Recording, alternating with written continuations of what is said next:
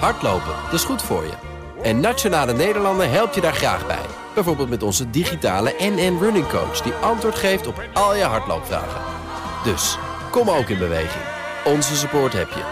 Kijk op nn.nl slash hardlopen. De wereld.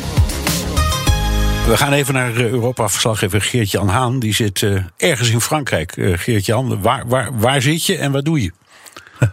Ik uh, zit vlak voor de grens met Luxemburg. Ik probeer Luxemburg te bereiken. Maar voor deze uitzending ben ik eventjes uit de trein gestapt... en zit ik op een uh, esplanade voor het station van Thionville. Spannend, ja. hè? Ja, nou, in zoverre spannend dat je zit in afval in het land dat Duitsland serieus neemt. ja, Um, even, ja. even naar de, de, de Duitse ontwikkelingen. Hoe wordt daar in de EU-lidstaten op gereageerd, Geert-Jan? Ja, men vindt het toch wel spannend hoor. Uh, en de eerste handschoenen zijn ook al afgegaan. Want de belangrijkste onderhandelaars van de FDP en de uh, Groenen... die laten aan de heer Spiegel weten dat er echt meer geen uh, concessies meer worden gedaan... in die rule of law discussie. En dat betekent dus dat Polen en Hongarije... die zouden dan voorlopig kunnen fluiten naar hun corona-herstelfonds gelden... als de Duitsers daar dan, hè, je had het al over vetorecht, nog meer handen voor op elkaar krijgen. Maar de tijd van pappen en naald houden is wat dat betreft wel misschien voorbij. En dat ligt ook zeker aan de FDP, niet alleen aan de Groenen. Um, en dat komt dus ook doordat er zeer strenge, concessieloze onderhandelaars door deze partijen zijn ingezet. En iedereen houdt een beetje de adem in, ook wat betreft confrontatiepolitiek en Oostpolitiek. Uh, als er een brandje was met Rusland, dan ging brandweervrouw Merkel met haar slang aan de slag. En nu is het zo dat Olaf Scholz, uh, wat jullie ook al een beetje benadrukten, die wil ook wel sussen en blussen. Maar die andere twee zijn er niet zo van hoor. Is dat zo, nee? Die zijn er minder van. Ja, ja klopt wel. Dat okay. klopt wel, dat ja. klopt. Hey, uh, even voor de factcheck. Ja, nou, nee, maar goed, het is leuk om te. Nou, weet je, op station. Op, dat, dat pak papier op dezelfde manier lezen en ook de reacties. Ja. Wat zijn de reacties in het Europarlement, Geert-Jan?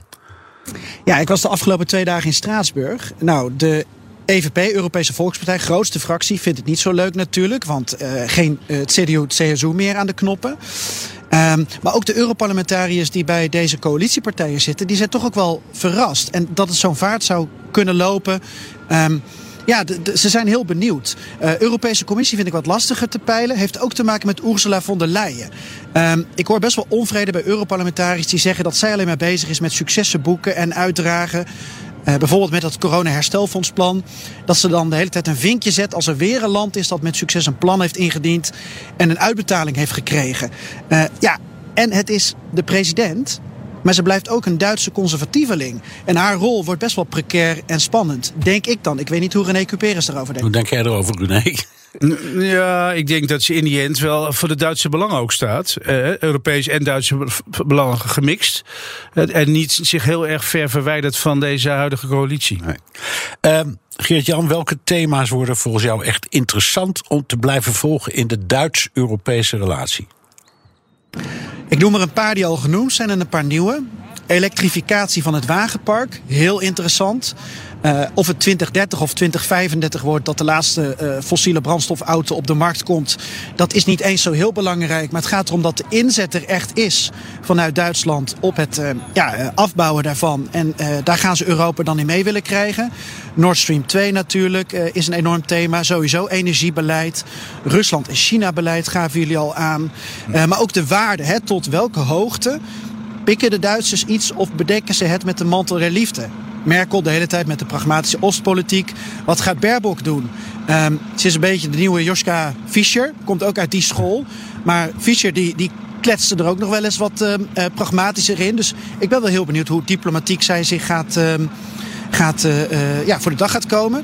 En als ik nog twee dingetjes mag benadrukken over hoe groot de impact van deze ja, gamechanger zou kunnen zijn van zo'n nieuwe Duitse coalitie.